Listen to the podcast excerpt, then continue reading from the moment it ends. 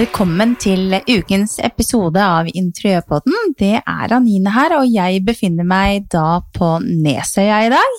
Jeg sitter ute i hagestuen til Hanne Hagen, også kjent som Gustavian Design på Instagram. Hei, Hanne. Velkommen. Hei, Anine. Velk velkommen. Tusen takk. Velkommen til meg. Ja, Så hyggelig. Jeg har jo vært på besøk hos deg eh, for ikke så lenge siden, faktisk. Og det er jo første gangen jeg var på besøk hos deg, så tenkte jeg ukens gjest, hvem skal vi dra til nå? Og så tenkte jeg på deg. Så fikk jeg lov å komme. Veldig hyggelig. Ja, det, det var veldig overraskende, men kjempekoselig. Første gang jeg er med på podkast. Ja, og du, du sa jo det at Instagram har liksom åpnet nye, nye dører for deg. Ja, jeg syns øh, det er så morsomt å være på Instagram.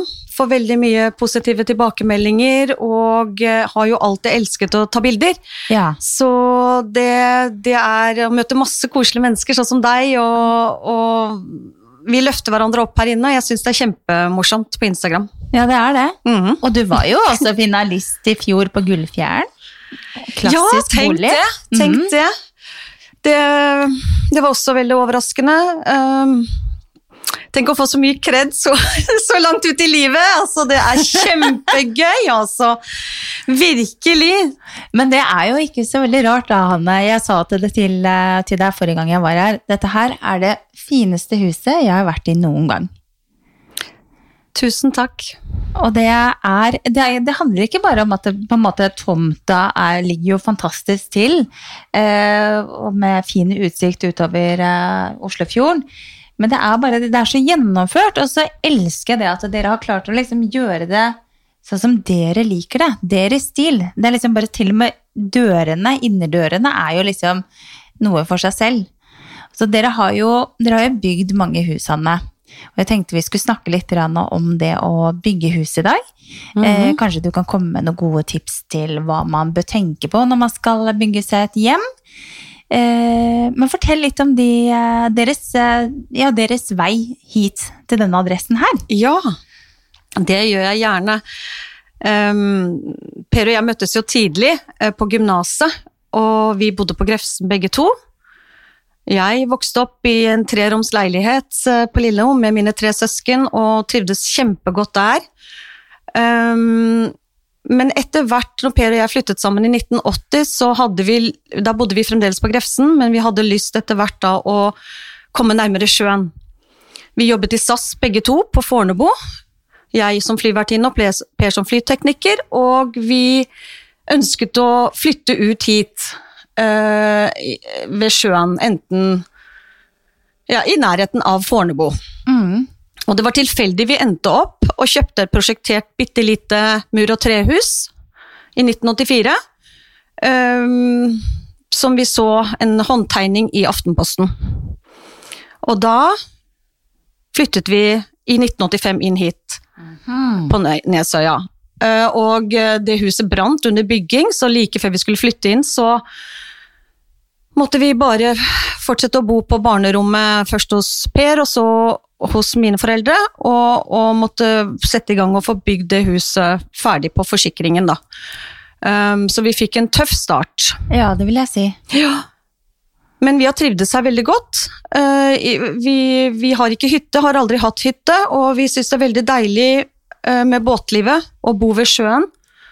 Og da var vi jo nære Fornebu, uh, så lenge SAS var, flyplassen var der. Um, og så har vi bare fortsatt å bo her og sett muligheter på øya. Ja, ikke sant? Mm. Dere har jo bodd i Frankrike en liten periode òg.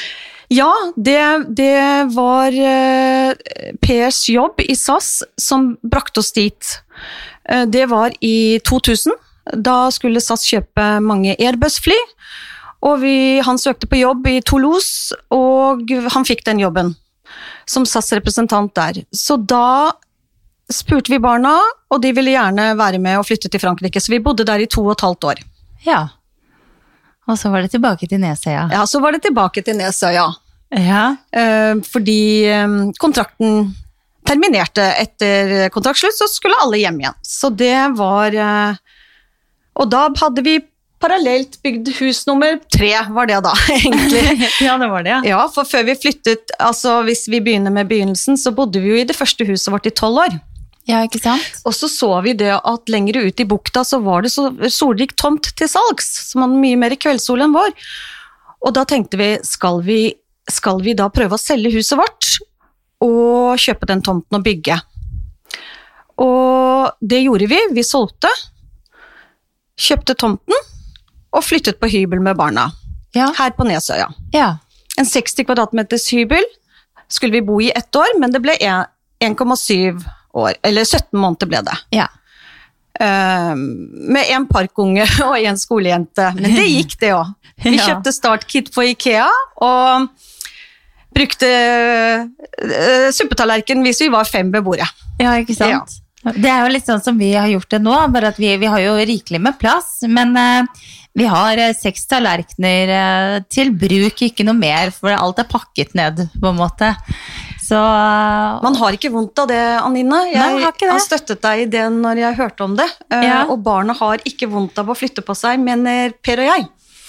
For så lenge foreldrene har det bra, mm, og, og, det, man ser, og, man, og det er frivillig, at det er, en, at det er en gulrot i enden at man skal bygge og skape noe, så er det bare godt, godt for barna å se at, eh, hvor fint man kan få det eh, på den midlertidige boligen. ja, det er Ja. noe med det. Ja, Men jeg må si det, han eh, minste, han på to år, hvis vi kjører forbi Kiwi på Vettere, så det er jo der vi har pleid å kjøre ned til Kongelungen, til gamle huset vårt, ja. Da sier han, han snakker ikke så veldig mye ennå, men han kan noen ord, og da sier han Hjem huset, og så peker han ned. Og så bare nei, vi skal ikke kjøre ned der, og så kjører vi videre. Da begynner han å sutre litt og gråte litt. Mhm. Og så kommer vi liksom litt nærmere volden og det midlertidige huset vi bor i nå.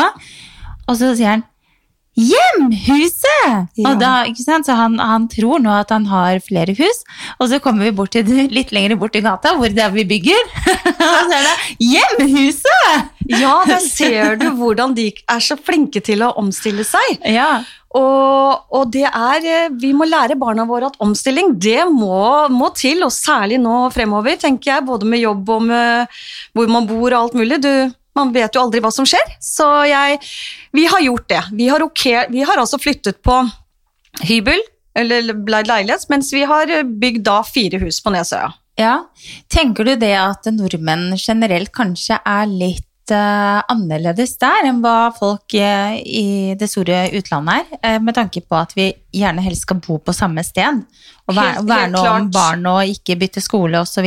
Mm, helt klart. Eh, Jeg tror vi er hegner veldig om hjemmet vårt i Norge. Um, Det betyr mye mer for oss enn mange andre land eh, i, Europa og i verden, tror jeg, som har livet sitt mer ute, kan du si, på, på kafeer og, og har et lite hjem, ikke sant? og det er ikke så mye hjemme ute, og treffer venner og familie ute. Eh, men um, Per og jeg har i hvert fall alltid vært litt unorske, så Ja. vi har eh, Driven, drivkraften har egentlig vært Vi har aldri planlagt å bygge fire hus, det er viktig å si, altså fordi det har vært bare at vi har sett muligheter. Og den skapetrangen, det er den som har øh, drevet oss. Uh, for vi har vært like fornøyde med det første huset som det andre og tredje. Det er ikke der det, det ligger. Og det er det at det er utrolig morsomt å, å skape noe. Og for oss har det blitt fire hus, da. Ja, jeg kjenner meg veldig igjen i godt det du beskriver. beskriver. Fordi det er som jeg sa til deg tidligere òg, at eh, vi har jo Det er flere som har spurt meg om hvorfor vi bygger nytt hus. Er ikke det dere bor i nå, bra nok? Eh, og det kan kanskje se sånn ut utenfra, at vi nå liksom skal da i gåsetegn oppgradere. Det er jo ikke det det handler om i det hele tatt. Eh, og det er som jeg sa til Fredrik, at vi har vært så privilegerte og så heldige som har fått lov å bo i dette huset her fra såpass ung alder som vi var. Ja. Eh, jeg var jo 26-27 år når vi flyttet inn i den villaen, på en måte, som vi, har, eh, som vi lagde den gang. Eh, Så det handler ikke om det at man skal liksom ha noe bedre, men livet det, det blir til underveis, og så må man gjøre noen endringer eh, av eh, familien, rett og slett. da. ja. Eh, Så, så jeg kjenner meg veldig igjen i det at det, det forrige huset vårt, det var jo mer enn nok bra nok for oss. Selv om kanskje dette nye blir litt annerledes og mer moderne og eh, det er jo gøy. Men jeg, vi er jo akkurat sånn som deg Per, vi elsker jo å ha prosjekter. Ja. ja, nei, det er det det er, altså. Og jeg tenker at eh, det gir jo ofte muligheter også ved å, å, å selge hus og, og, tenke nytt, enten å bygge seg ned eller ja, hva man vil. For jeg husker når vi Altså, vi bodde jo tolv år i det første huset, og så øh, da 17 måneder på den hybelen, og så i det hus nummer to som vi hadde sett på den soldike tomten, det var da Per fikk tilbudet om å flytte til, til Frankrike og, og, få en sånn kjempespennende jobb. Og da hadde vi kjøpt nabotomten uh, bak, fordi vi hadde sett at oi, kanskje det er dette vi skal drive med, eller, eller vi så i hvert fall at prisene steg veldig på den odden mm. som vi hadde bygd, for da begynte det å bli litt etablert der. For den tomten vi kjøpte, den hadde ligget til salgs i ett år uten at noen hadde villet kjøpe den.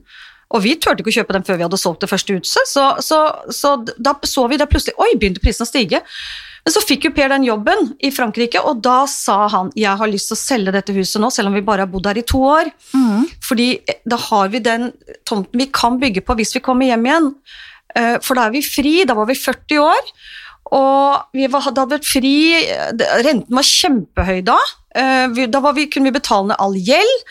Vi dro til Frankrike, der hadde vi leid hus, leid, leid, leid, leid alt. Og det var på en måte en veldig fin følelse.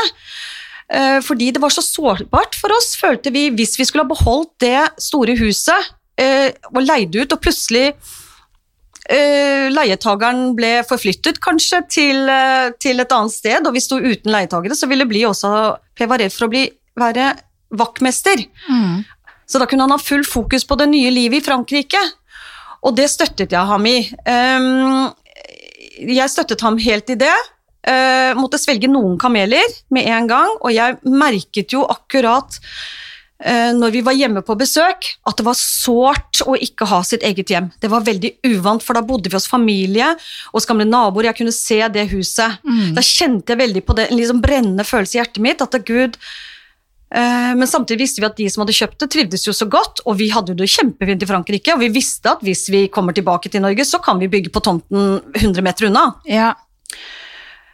Og jeg, det er jeg glad jeg lyttet til Per akkurat der da, at de ikke beholdt det huset, og at det skulle stå tomt da, eller leie ut og være sårbare, og at ja. vi, vi, dro dit og, og, hadde det fint alle sammen. Um, og kom hjem da, så bygde vi jo det huset som ble nummer tre, og der bodde vi i tolv år.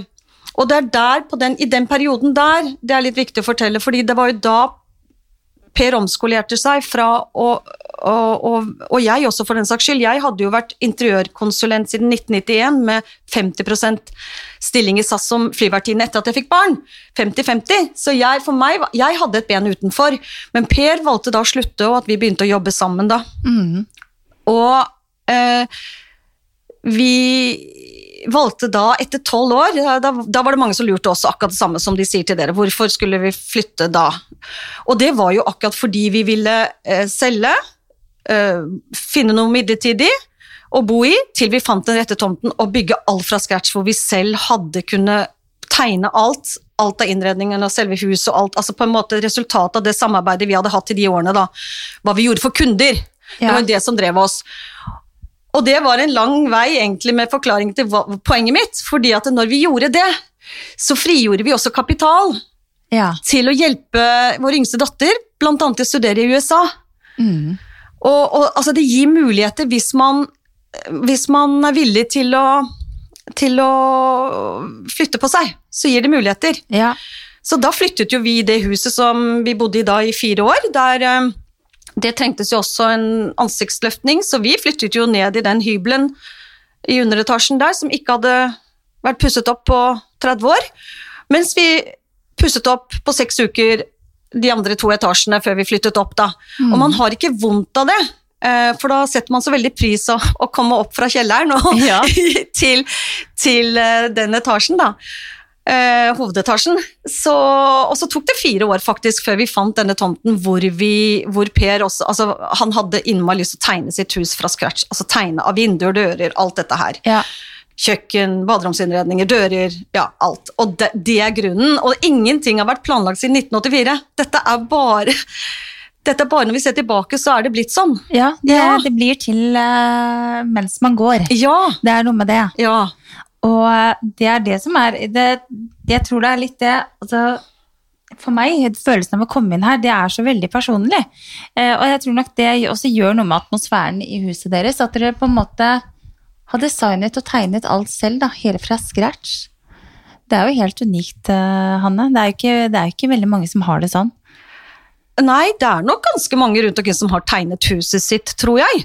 Eh, men, eh, men det er, det er Det er ikke mange som har tegnet all innredningen i tillegg, Nei. på en måte. Men det var Per hadde lyst til å gjøre det, fordi ikke har vi webside, og ikke har vi gjort noe markedsføring for eh, kundeprosjektene våre som vi har hatt, så jeg tror han hadde behov for å på en måte eh, gjøre det, skape det, som et resultat av vårt samarbeid. Mm. Eh, og jeg var ikke vond å be. jeg syns jo det var et veldig spennende prosjekt, og, men jeg sa til Per da at jeg har lyst til å bo i det huset til det nye var ferdig. Mm. Ikke flytte inn i halvferdig hus, sånn som vi hadde gjort flere ganger før, da. Nei. Og det var han helt enig i. Så denne gangen flyttet vi inn når det var ferdig, da. Når det var ferdig, Ja. ja. Så, så det Og det er jo slitsomt å bygge hus, selvfølgelig, men jammen meg er det morsomt òg. Ja, det er det. Ja. Jeg kjenner jo litt på det nå. Vi har jo, vi, det kommer jo utfordringer underveis hele, hele tiden. ja. Uh, og nå måtte vi svinge oss rundt og, finne, rundt og finne en ny elektriker forrige uke. ja. Ikke sant? Og så skal da et firma komme og overta jobb som noen andre har gjort, og så skal det stå inne for det, og så, ja, du kjenner jo til det der. ja. Uh, så, det, så det er jo ikke bare bare. Eh, Nei, det er ikke bare bare. Det er ikke det, men det er ikke livet heller, det. Det Nei. ikke bare bare. Men det er, det er utrolig gøy, kjenner jeg nå.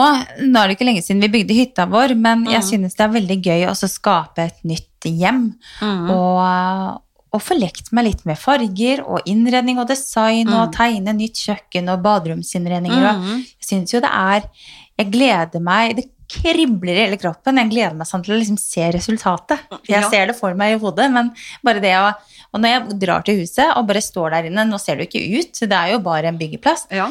Men eh, jeg får en sånn, en kjempe sånn god følelse. Ja, det er, eh, det, det er like fantastisk hver gang det, når plankehaugen plutselig blir et hjem. Ja. Altså, den, det er like forunderlig hver gang, syns jeg. Uh, og eh, det er jo Det er som en maler som begynner på et nytt lerret, tror jeg egentlig. Altså, det er, hvis man kan sammenligne med det, det er på en måte eh, det er, det er begynne med blanke ark. Eh, ja, du har reguleringsplanen, og du har jo alltid disse visse regler du må forholde deg til uansett. Det må man jo. Ja. Men, uh, men jeg mener Det er ikke for alle sikkert å bygge mange ganger, men, men vi har syntes det har vært morsomt, og det er grunnen til at vi er her vi er i dag. Mm. Eh, ja. Men det er jo veldig mange som bygger seg eh, eneboliger eller hytter, og så er det da um, kanskje mer vanlig å gå for noe ferdighus, da, ikke sant? ja. Husleverandører, og det vil jeg jo si er et veldig godt alternativ til de som ikke på en måte rår over å være byggherre selv, da. Ja, helt klart. Uh, og det er jo ikke for alle, det har jeg sagt før. Folk kan liksom gape opp litt for mye, og så står de der i og så blir det ikke noe hyggelig opplevelse det å bygge, ikke Nei, sant? det er det folk tenker på, ikke sant? Og Ja. derfor er det veldig lurt å, å bygge i et konsept hvor du har prosjektledelse og sånt, nå, hvis ikke man er spesielt uh, interessert i å jobbe med det, sånn som Per og jeg gjør, da. Ja. Vi jobber jo med det. Så det er litt annet. Per er jo prosjektleder for mange av kundene også, ikke sant? Ja.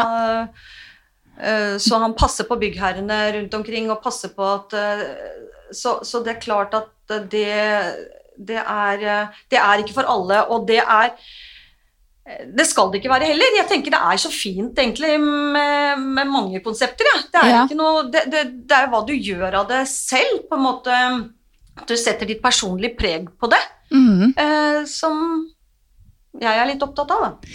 Og nå har jo dere flere kunder som driver og setter opp eh, nye hus, og hus som Per har tegnet, ikke sant? Ja, det Ja. har vi faktisk. Så flyteknikeren, han er blitt hustegner. Ja, Ja. Jeg har jo- sett disse skissene. Ja, tegninger, og han tegner samarbeidet med en sivilarkitekt som, som har vært hans mentor i, i alle disse årene, og eh, som gjør søkeprosessen for kundene. Og eh, han tegner nå påbygg og hus og innredninger og alt du kan tenke deg. Alt for hånd. Ja. Og så kommer du inn med din eh, ekspertise, som jeg vil si er jo mye av det man Overflatebehandlinger, da. Møbler og sånt noe, ikke sant? Ja. Tekstiler er du jo veldig god på, Hanne. Ja, takk for det, men, i- men, men det, er, det er ikke så rigid at eh, alle prosjektene Per er på, så skal jeg være med på det. Nei, noen ganger gjør kundene selv. De Ja. har, eh, vil gjøre det selv. Og andre ganger så er det andre interiørarkitekter som han samarbeider med. Ja. Og noen ganger så er vi sammen på prosjektene. Og noen ganger har jeg egne prosjekter som ikke Per er involvert i. Så det er, det er ikke noe det er ikke noe fasit der at det er akkurat den ene eller andre måten. Nei. Nei. Så det er en lett blanding, da. Men Ja. det tenker jeg det kan jo være fint også, at man får, eh, at man får litt uh, variasjon. Ja, fordi da kommer jo Per hjem og jobber med kjempeflinke folk. Ja. som har utdannelse, og lærer masse. Og, og det er jo Han kommer hjem med masse innspill, så det er jo Vi lærer hver dag. ja. Lærer av kundene våre, lærer av overalt hvor vi henter inspirasjon, andre samarbeidspartnere. Ja. Men hvis du liksom skal tenke deg, hvis det er eh, lyttere nå som eh, skal bygge sitt første hus, eksempel, da. ja. Da er det jo ikke helt eh, enkelt bestandig å vite hva er det man kan, hvilken felle kan man gå i, hva er det man kan gjøre feil. Hva er det man burde tenke på, så eh, har du noen gode tips til at det er sånn ofte folk tenk, ikke tenker på? Ja, eh, det var jo et spontant spørsmål. Vanskelig å svare på, men jeg tenker budsjett. Ja, Jeg tenker det er veldig viktig å tenke, eh, finne ut hvor mye penger kan vi bygge for. ja, Eh, og ha det som en mal. Og så får man bryte ned rom for rom, og tenker, kanskje lage seg en prioriteringsliste. Hvilke rom er viktig for oss nå? Er det viktig at vi tenker langsiktig at her, denne boligen skal vi bo i eh, til vi blir gamle? At vi tenker eh, eh, modulære løsninger? Eh, selv har vi Flere av husene våre har vi ikke innredet alt ferdig med en gang. Men vi har lukket døren til mm, det badet eller den kjellerstuen eller det. Og så har vi ventet med det. ja, For det er så viktig å ikke ta seg vann over hodet med tanke på kostnadene. For da blir det bare trist og leit, og, og, og det, alt blir jo gjerne dyrere enn det man tror uansett. det gjør det. Så jeg tenker at eh, det er eh, Det er rammene som man må ha. Og så eventuelt tenke ja, vi kan bygge litt større kanskje, det har vi råd til, men vi innreder ikke nå. Vi gjør det om fem år. Ja, Vi, vi gjør det om ti år. mm, Det er en mulighet. Eller at man da at man da bygger akkurat slik man vil, og gjør alt ferdig og er nøye på kostnadene. Det er, ikke er, sant? Det er å stille Ha gode kontrakter med, med faggruppene, slik at man vet akkurat hva man får. ja. Det er noe med det. Og jeg ser, det er kanskje litt enklere hvis man bygger et ferdighus, at man vet hva kostnadene blir. Mm. Men sånn som for oss nå som tegner et arkitekttegnet hus, i en skråning, så har jo det da bydd på utfordringer med at vi må, vi må, eh, vi må eh, ta oss og fylle igjen på baksiden Mm. og på siden av huset, og det kan vi ikke gjøre uten å sette opp to ganske store støttemurer på hver sin side av huset, så det blir fire murer da, ikke sant? Og det koster penger. Og det koster penger, så da har vi jo noen hundre tusen som vi fikk sånn ikke hadde forventa. Ja, surprise! Ikke sant? Ja, det er, det er. Fordi da, de som solgte dere eiendommen, har ikke kanskje den, den, De murene var kanskje ikke på tegningen, da. Var nok ikke det. Uff, nei, det er Det er øh, Nei, det er, det er klassisk, altså, det der. Ja, og så er det jo i forhold til brannkum, ikke sant. Vi er 20 Ja. meter for langt unna brannkommen. Ja. Så det som skjer nå, det er at vi kan ikke koble oss på den brannkommen ved. Da må vi enten lage brannkum 20 meter lenger opp i gata, eller så må vi ha da sprinkleranlegg eller tåkeanlegg. Så nå ble det til at vi da legger inn tåkeanlegg i hele huset. Ja, Ble det rimeligere enn at dere selv må koste det å grave opp til den nye brannkummen? For det er vel det kommunen vil? Vi Vil Ja. ikke de legge kostnader på, på dere? Jo, Ja, det vil de. sant? Ja. Så det er sånn cirka det samme. Ja, men, riktig. eh, ja. Mm, men da får du et veldig sikkert brannteknisk hus, da. Gjør det. Så, så vi må jo bare se det positive i det. Man Men det skulle liksom ha en sånn der bufferkonto. Ja. hvor er den hen? Den har jeg ikke. Det er veldig merkelig, det der. Nei, uff a meg. Kommer ikke så langt med barnetrygden heller. Nei, det der er uff. Men er det, det er vel noe dere kanskje kan vente litt med? Eh, kanskje der inne, altså i huset? Ja, og det som er, vi har jo noen ønsker eh, for dette huset, og eh, litt det i forhold til at vi ser for at vi, også for at vi har lyst til å bo der lenge, så har vi satt inn heissjakt, så vi kan sette inn en heis. Ja. Eh, og eh, det er jo noe vi ikke har råd til å gjøre ferdig nå med en gang. Så men heisjakta er i hvert fall lagt og Mm, støpt, og, og, så den er klar. Så det er sånn som vi må ta over Langen når vi har råd til det. Og samme også med svømmebasseng. Hvis vi, hadde, hvis vi får det godkjent av kommunen, så har vi ikke råd til å bruke 500 000 på det nå. Så det, så det som er planen vår nå, er rett og slett vi skal grave hullet ferdig, slik at vi ikke trenger å få en Gravemaskin inn, ja. over smart. over, um, over asfalten, asfalten, for den blir jo ødelagt. Mm. Så graver vi nå, og så legger vi bare platning over, og så er det klart under der, hvis Mm. vi noen gang skal um, få anledning til å bygge Ja. basseng, da. Ja. Veldig smart. Så det er jo litt sånn, man må liksom ta ting litt sånn over langen, og det ser jeg jo i det huset vi har bodd i òg. Vi, vi har liksom blitt ferdig der nå. Ja. Eller vi var jo egentlig ikke helt ferdige heller, så hun som har kjøpt huset, hun gjør jo ferdig disse tingene som vi har ønsket å gjøre, blant annet å sette inn et basseng i hagen. Ja, ikke sant? Og det, Så- sånn er det for alle, egentlig. Og, men det som er viktig, det er det å som sagt, ikke hause over for mye, og heller være glad for det man uh, får. Mm. Og prøve å nyte hver dag, for det er jo dette livet vi lever. Det er jo det er jo å ha det hyggelig, og, og da får man heller kanskje ikke råd til å kjøpe akkurat det dyreste blandebatteriet da, eller de dyreste håndtakene til kjøkkenet. Det er ikke så viktig. Nei.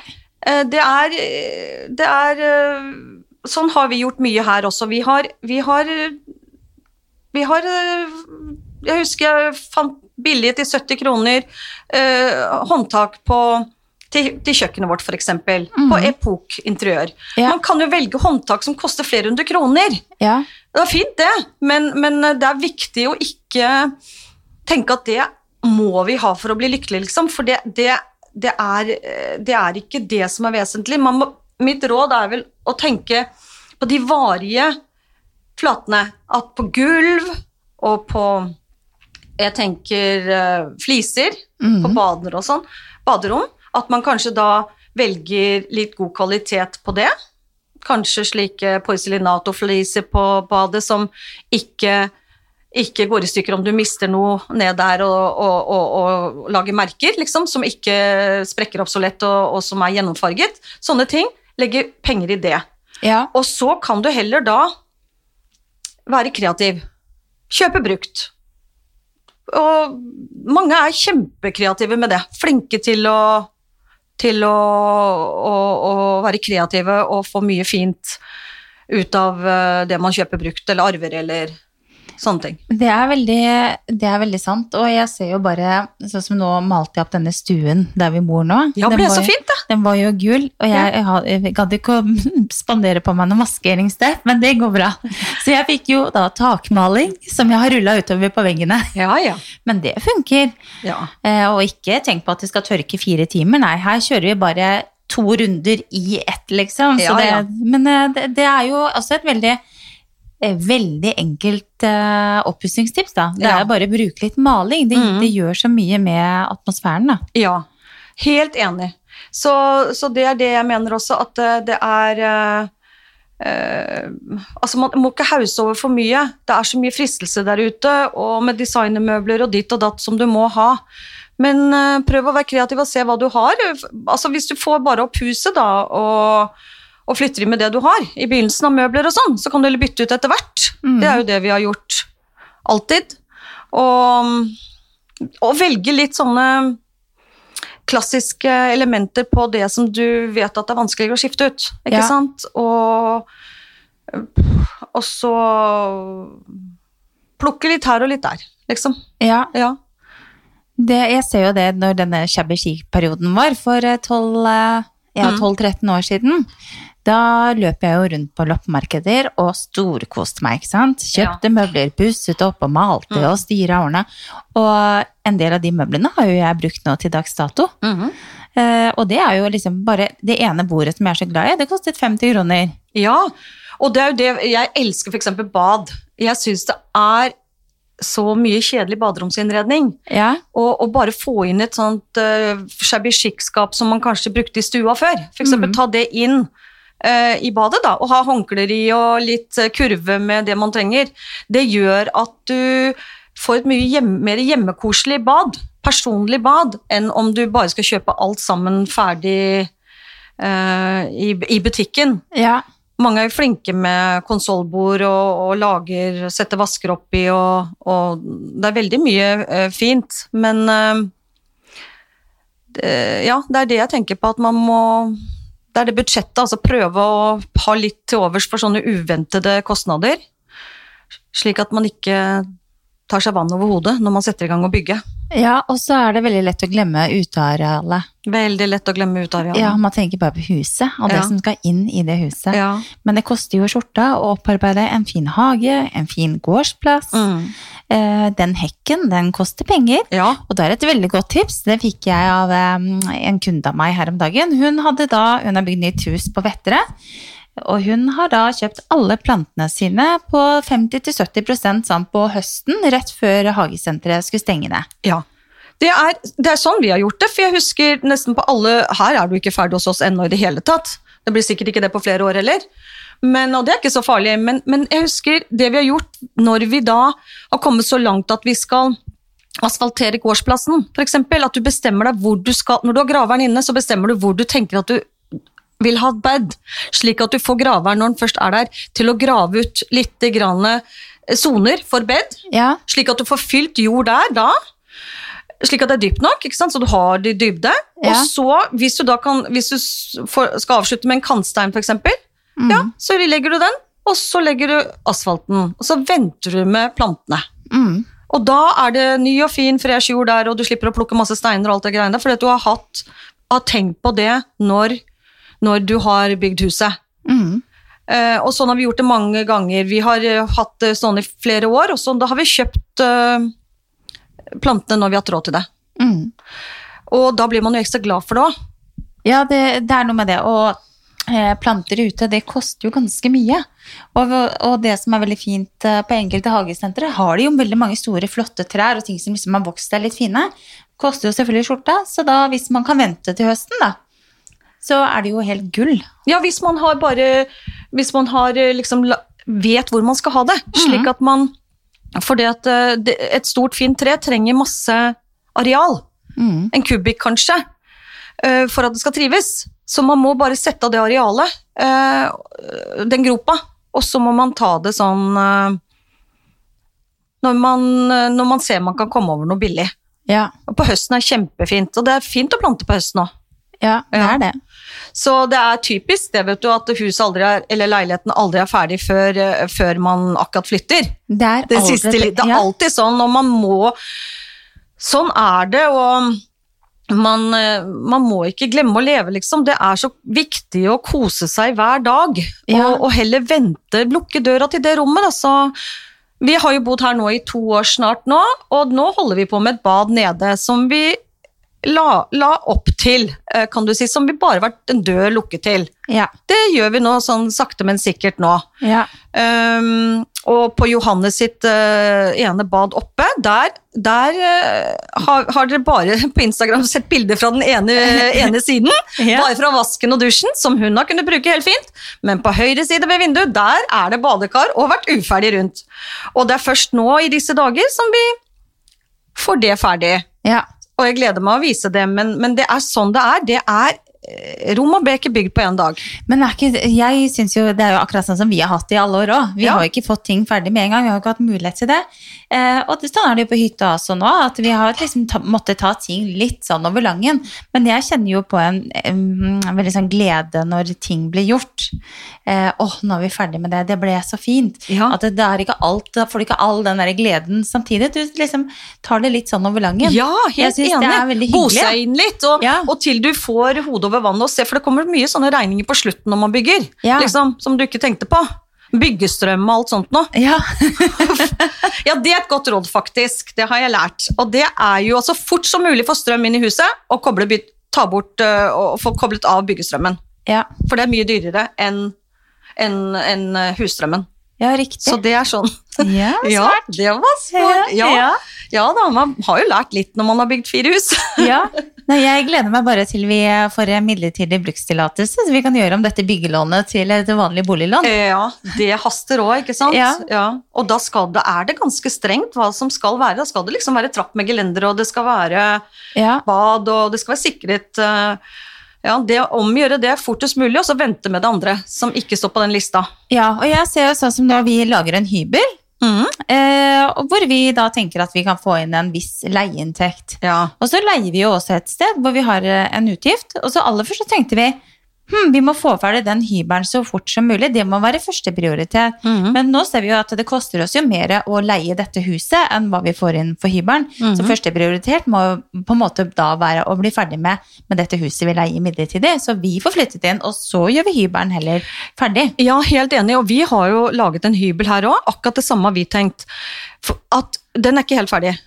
Og det, vi har ikke leid den ut ennå, fordi at det koster mye penger å gjøre den ferdig. Ja. Og det er liksom, Hvilken horisont har vi, da? Er ikke sant? Hvis man får 5000 eller 7000 i måneden for den. Mm. Du skal leie ut i ganske mange år. Altså Bare kjøpe et hybelkjøkken koster jo fort 40 000-50 000 kroner. Mm. Selv om du kanskje Ja, med alt, alle duppeditter som, som du skal ha inn i et lite hybelkjøkken. Så nei, vi har tenkt sånn at man ta det litt sånn pø om pø. Eh, men det er jo en veldig fin regel vi har i Norge, da. At man når man bor på større flate selv, så har man lov til å ha skattefri inntekt på en hybel. Ja, Det er jo veldig fint. Det Eh, Det er ikke mange land som har. Nei, det er ikke det. Og jeg, jeg tenkte egentlig det at jeg skulle se etter et brukt kjøkken jeg nå. Ja, Og kanskje bare pimpe det opp litt. Uh... Hvis du, går, hvis du drar selv da og demonterer det, tar mm. den jobben, uh, og setter opp igjen, ikke Mhm. sant, selv, det er fin mulighet. Ja. Vi får se hva det blir til. Alt ettersom hva vi har tid til, da. Det er noe med det, Det er noe med det, fordi at øh, det er øh, Men er du proff? Jeg ser mange Vi solgte et kjøkken i det huset vi bodde i fire år nå, øh, og der kom jo han som kjøpte det. Og demonterte det veldig kjapt. Så er du handy så å ha henger og sånn, så er jo det en kjempefin mulighet. Eh, Så det er mange, mange måter eh, Du må ta jobben, altså må du regne tidene, timene, ikke sant? I forhold til eh, reisevei og tiden, og sette det opp. Ja. Ja, men eh, det er absolutt et regnestykke som er viktig å ta. Men Hanne, si meg en ting. Har du det sånn fremdeles at du på en måte, når du har skapt noe, sånn som dere lagde denne utestuen her, er det sånn at du liksom setter deg ned og bare ser og nyter og koser deg med det? Og dere får en sånn lykkefølelse av at dette blir fint? Ja, jeg gjør det faktisk. Ja. Eh, Den, den, denne bygde vi jo i fjor. Den er ikke helt ferdig eh, Den er ferdig i det rommet vi sitter i nå, men den er ikke helt ferdig. Og, og først så hadde vi ikke dører. Eh, Det var bare tak, kan du si, og veggene. Uten vinduer. Og så kjøpte vi glass til vinduer mm. hos glassmesteren. Det er ikke så dyrt. Og så kitt. Og så klarte Per å sette inn vinduene selv. ja. Ja, og så gikk det noen måneder, altså i fjor høst, rett før vinteren kom, da fikk vi dørene. Ja, ikke sant? Som pø om pø, ja.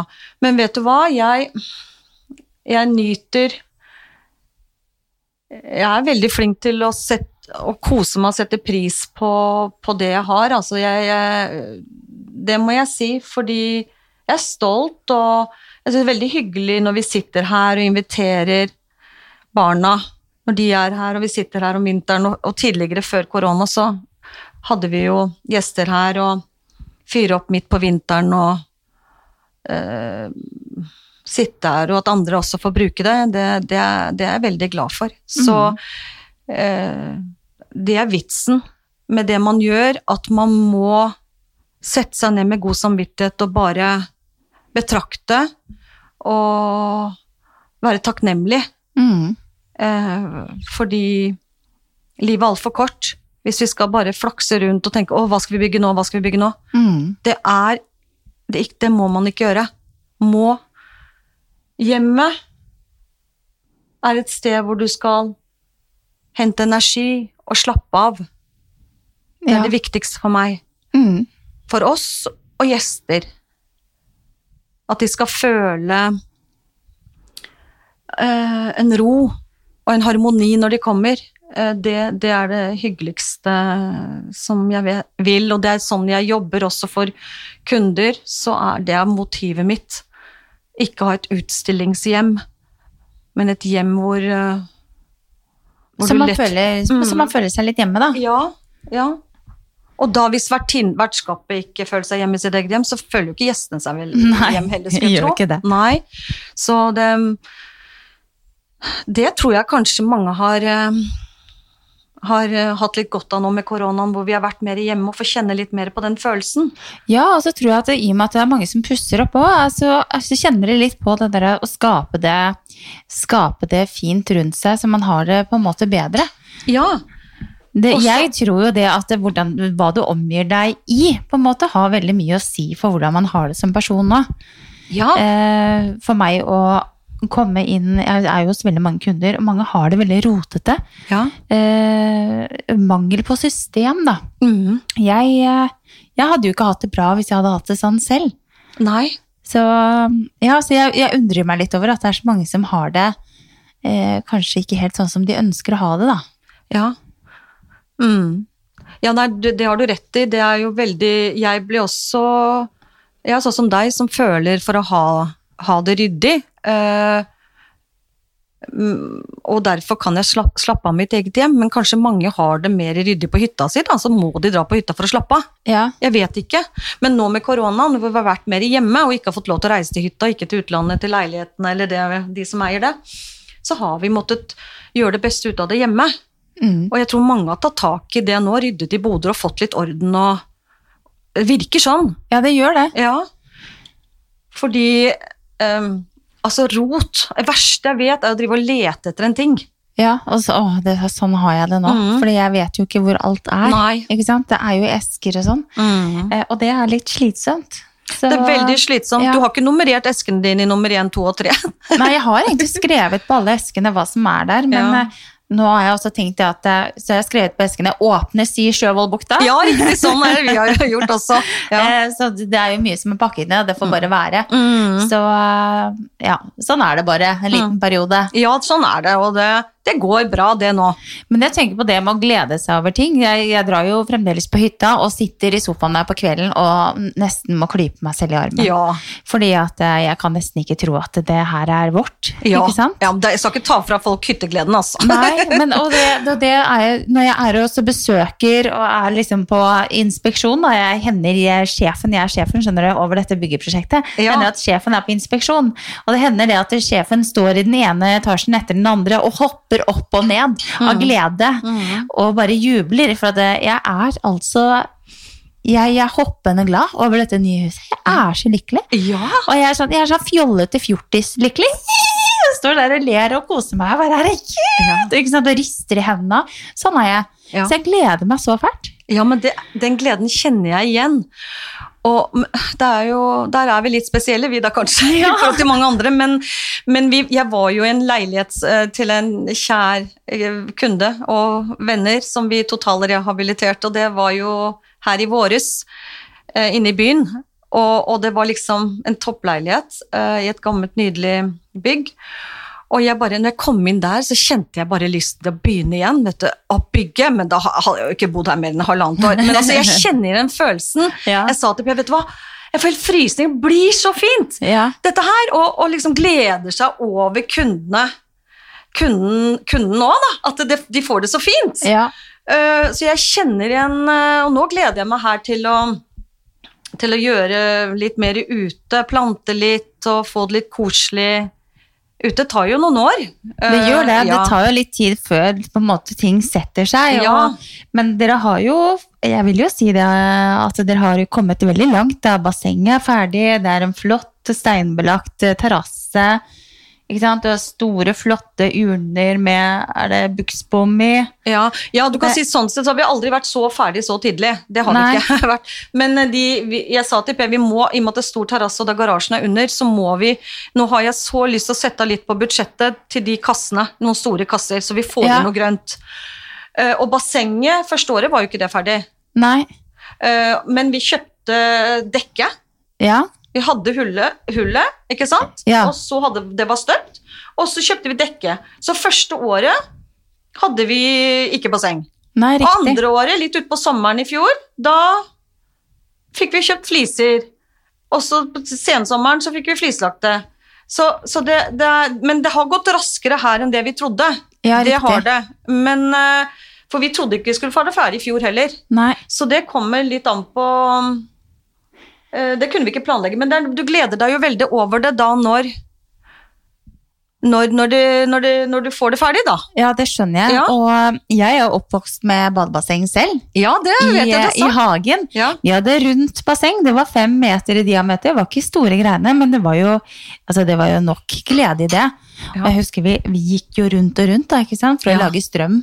I bassenget så lå vi fløyt rundt. da, ikke sant? Ja. Og det var jo så mye glede i det å ha badebasseng. Og jeg ser jo det at vi hadde jo veldig mye besøk av eh, både søsteren min sine venner og mine venner. Mhm. Eh, og det har jeg lyst til å prøve å skape hjemme i det nye huset. Men nå, nå er det jo ikke sikkert at vi får godkjent basseng, for det er jo litt regler på det også. At det skal være fire meter fra ja. ikke sant? Så Mhm. det, men i og med at det er en privat vei, så, og vi er jo ikke fire meter fra veien, så, så får vi bare legge inn en søknad og se hva de sier, da.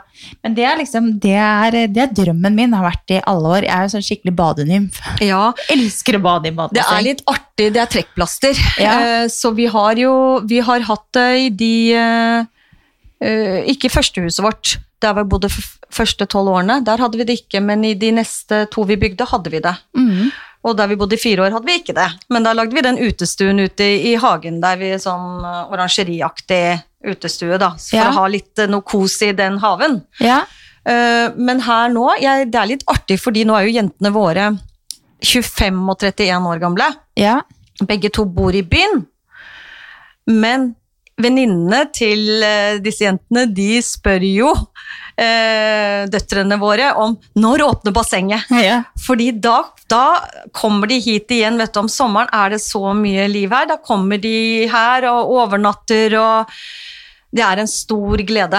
ja. Ja, veldig, veldig hyggelig. Vinteren er litt stille, og Ja. så når bassenget åpner igjen, så Det er det. Når det er sesongåpning, da det- ja. er det Ja, liv her på Og så Nesøya. når vi, ingenting gleder meg mer enn at, eh, at de at vi, at vi kanskje spiser De sier å ja, dere kan spise sammen med oss, og så spiser vi sammen her ute i utestuen, og så trekker vi oss tilbake, og så lar vi de få fortsette, og så sitte inne i stuen da, og så bare ser de ha det gøy her. Ja. Ja, det er, det er så koselig. Virkelig stor det, glede. det høres så koselig ut. Ja. Jeg vil også. Ja, men det får du, vet du. Ja. Ja da. Ja, det er, det er noe med det. Og Mm. barna, barna er jo veldig gira på badebasseng, selvfølgelig. Så vi får nå se om vi får lov. Hvis ikke, så, så får vi gå ned på stranda, da. Det Ja, er ikke er ikke så langt unna. Nei, Nei, det blir nydelig utsikt og kjempefint der dere kommer nå. det blir veldig bra. Jeg, eh, nå, jeg er liksom forelsket i det huset nå, Ja, kjenner jeg. Det ser veldig fint ut, det jeg ser på stories. Og det, mm, det blir Så hjemme, hjemmekoselig Ja. og, Mm. og fint. Så Ja. det blir jo noe helt annet enn hva vi har bodd i, men eh, jeg skal nok få det veldig fint der òg. Ja, du ser jo hvor fint du har fått i den midlertidige boligen nå. da, Ja, ja. Det. Og det er jo også litt sånn, der har, vi, der har vi en gammel sofa, den første sofaen som vi kjøpte til det forrige huset vårt. Mm. Den har vi tatt vare på, så den har vi en del av i stua der. Den Ja. er egentlig den er ganske sliten, men den funker. Og så har vi, eh, har vi kjøpt et bord på finn.no til 450 kroner, og så har vi lånt eh, spisestuestoler av Fredrik sin jobb. Ja. Så det, da, da funka det greit. ja, men vet du hva, det er, det er så sunt å gjøre det, og det er sporty, og det er ikke farlig. Det er ikke Nei farlig da. å gjøre det. Det er det ikke. Nei. Det funker Så- veldig greit. Og lykken er ikke nødvendigvis basseng, bare så det er sagt. da. Det, det er, man kan være lykkelig uten basseng, men når du begynte å snakke om det, Ja. så tar det jo helt av for nordmenn nå. Jeg tror det er kjempelang venteliste på basseng. Alle Ja, det skal ha er det. det, Ja. er det. Sånne små Så- basseng, alle slags typer. Ja. Ja. Men eh, dere har jo da, eh, bare for å snakke litt mer om badebasseng, er litt interessert i det. Dere har jo da støpt basseng. ja. Dere har ikke satt inn en sånn type eh, bassengkum, eller hva man kaller det? Nei, det har vi ikke gjort. Vi har støpt vi denne gangen her. Og det er litt på grunn av at garasjen kanskje Den grenser til den. til bassenget, ja. Ja. Ikke sant? Det byggtekniske der, hvorfor det ikke ble å løfte inn et sånt, det vet jeg ikke. Men vi har faktisk på de husene vi har bygd, så har vi støpt hver gang. Ja, dere har det. En gang så bygde vi Leka, husker jeg. Og, ja. Så dette er faktisk et støpt basseng mm. med glassmosaikkfliser. Ja. Hvite. Det, Det har vi ikke hatt på de andre, da har vi hatt duk. Dere har hatt duk, ja. Mm. Eh, det vi, drev, vi har jo vurdert, vi har fått inn litt eh, ulike tilbud. Mm. Jeg ser jo at det er en kostbar eh, affære, for så vidt. Men det vi lurer litt på, er rett og slett om vi skal bare ta oss og lage det i, i Jakon-elementer. Sånn som vi har bygd huset. Det er jo isopor mm. på to sider, og så støper du da i Ja. midten, ikke sant. Så det er jo sånne byggeklosser, da. Nærmest som Ja, jeg vet hva Jakon Ja. er, men jeg kan ikke svare på det byggtekniske, egentlig. Da må du høre med gemalen min. Ja. Altså, eller, men, fordi jeg kan, det kan jeg ikke svare på, men det er sikkert like bra. Jeg skal høre med Per hva han tenker om det. Ja, da kan du Ja, for det tror jeg mange bruker Jakon. Ja. Bygger jo hus av det, så hvorfor skal man ikke Ja, bygge jeg basseng? tenker liksom? det er jo isolerende med, med, med, Ja. med denne Ja, mm. så Det blir spennende å se hva ja, det, blir veldig til. spennende. Får håpe dere får gjennom det på søknaden, da. Vi får nå se, det er ikke Mhm. sikkert. Men eh, gjør vi det, så hopper vi i taket, og så må vi nok vente noen år med å bygge det til vi har råd til det. Ja, ja, men det, Sånn er det. det. Sånn er det. Det er ikke noe fare med det, vet du. Bare vente. Men sånn avslutningsvis eh, Praten går jo så lett med deg, Hanne, men avslutningsvis vil jeg bare høre litt om stilen din. For du sa jo det forrige gang vi møttes, at du har egentlig byttet litt stil. Eller kanskje det var ikke fullt så mye farger i det forrige huset. Her er det jo mye farger. Du har tapeter. Hvordan, hvordan ser du for deg liksom, hvordan ting skal bli? Hvordan klarer du å sette sammen mønster og farger? Ja. Altså, stilen på dette huset, både utvendig og innvendig, er helt annerledes enn det huset vi bygde. Det Hans og Grete-huset med skigard og villmarkspanel og murhus på, på første huset eh, på 80-tallet. Eh, men hvis vi tenker dette huset her nå, eh, så vil jeg si Du titt i garderoben din, Mm. så ser du hvilken farge på klær er det du liker. Ja. Så tar du det liksom utover på sengen. Yndlingsfargene dine. For veldig ofte det du liker å ha på deg, det liker du også veldig ofte på interiør. ja, godt tips. Takk. Og så er det hvis du er glad i et bilde eller maleri eller plakat eller hva som helst, eller en tekstil. Så la, hvis vi tenker stue, da, så la det være utgangspunktet. Hos oss i stuen så hadde vi to malerier Mm. som vi kjøpte for en 15 år siden. Eh, og fikk brukt bare det ene der, det andre er i gangen. Det var utgangspunktet for egentlig farvepaletten i stuen. I tillegg til de gardinene som vi var glad i, som vi hadde som lange stuegardiner tidligere, som vi hadde med oss og gjort om til liftgardiner nå. Ja, riktig. Så begynn med, begynn med det. Det er mitt gode råd, egentlig.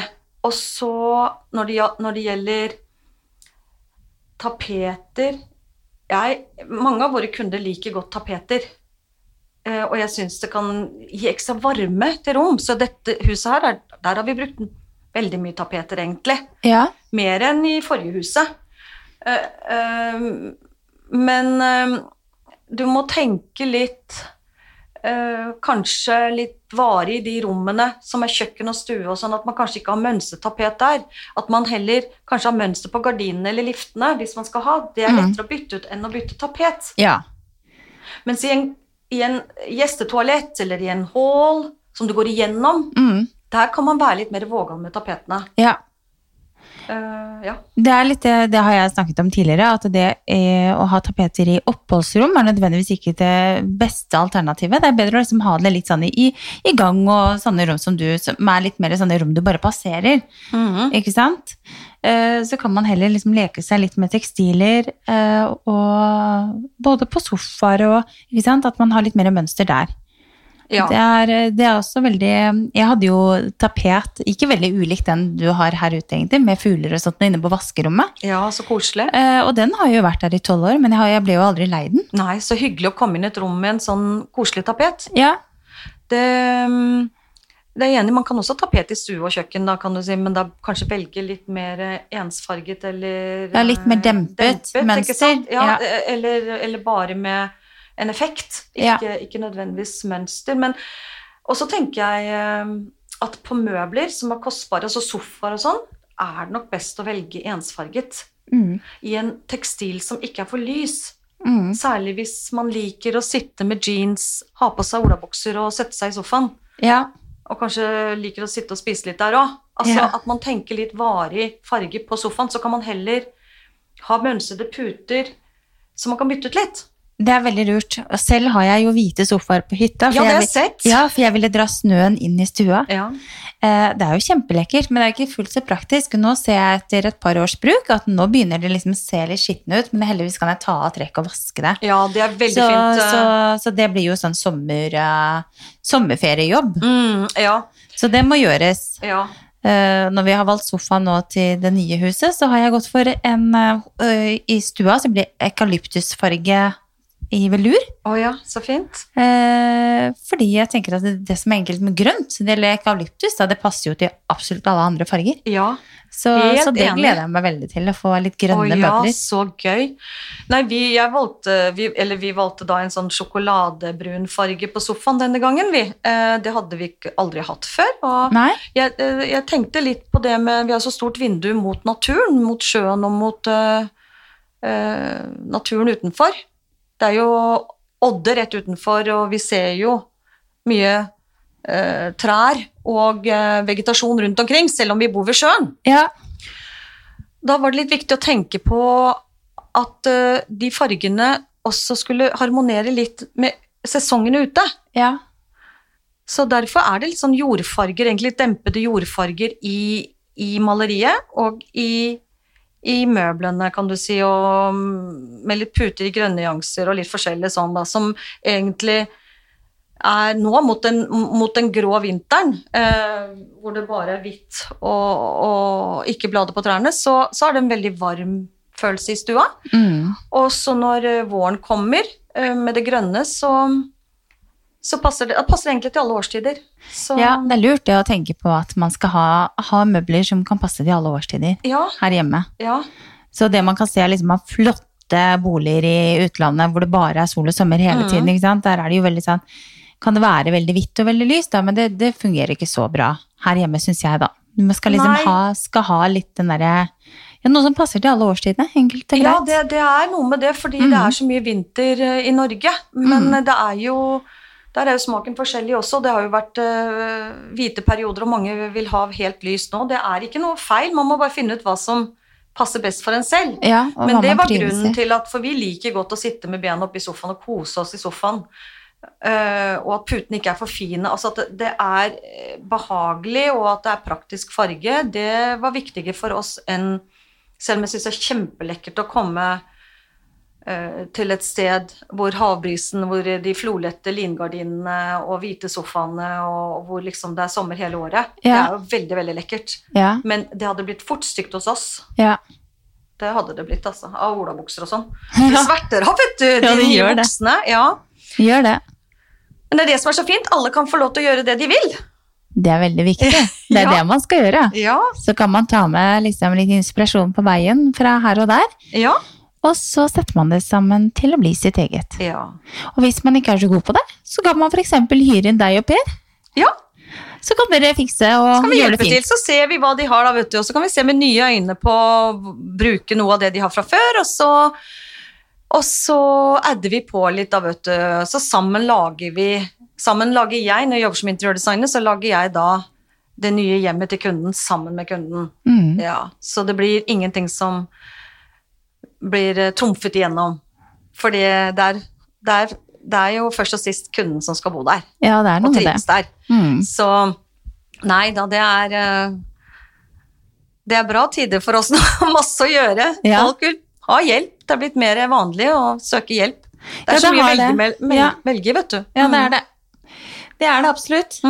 Men jeg tenker det, Hanna, at vi, skrev, vi har vel skravla i en times tid, eh, sånn cirka, vi nå. Har du Ja. så lang tid? Å, Ja, ja, ja, det var ikke så vanskelig, det. jeg grudde meg så fælt, men nå er det gjort. Nå er det gjort, Ja. det ble jo så bra. Jeg håper det, og håper folk har fått litt inspirasjon, og det var veldig koselig du spurte meg. Jeg synes det, var, eh, det er gøy å besøke litt ulike hjem. Nå var jeg Ja. hos eh, Julianne og Ulrik i Vollen forrige uke. De også har jo tatt og tapetsert litt og gjort om dette funkishuset til ikke være så funkishus-stil.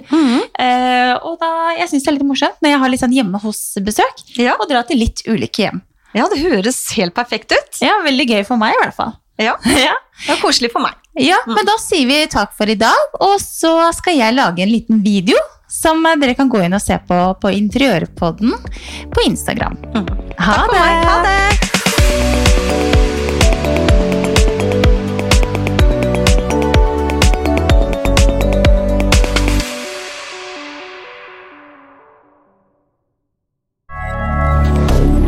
Moderne media.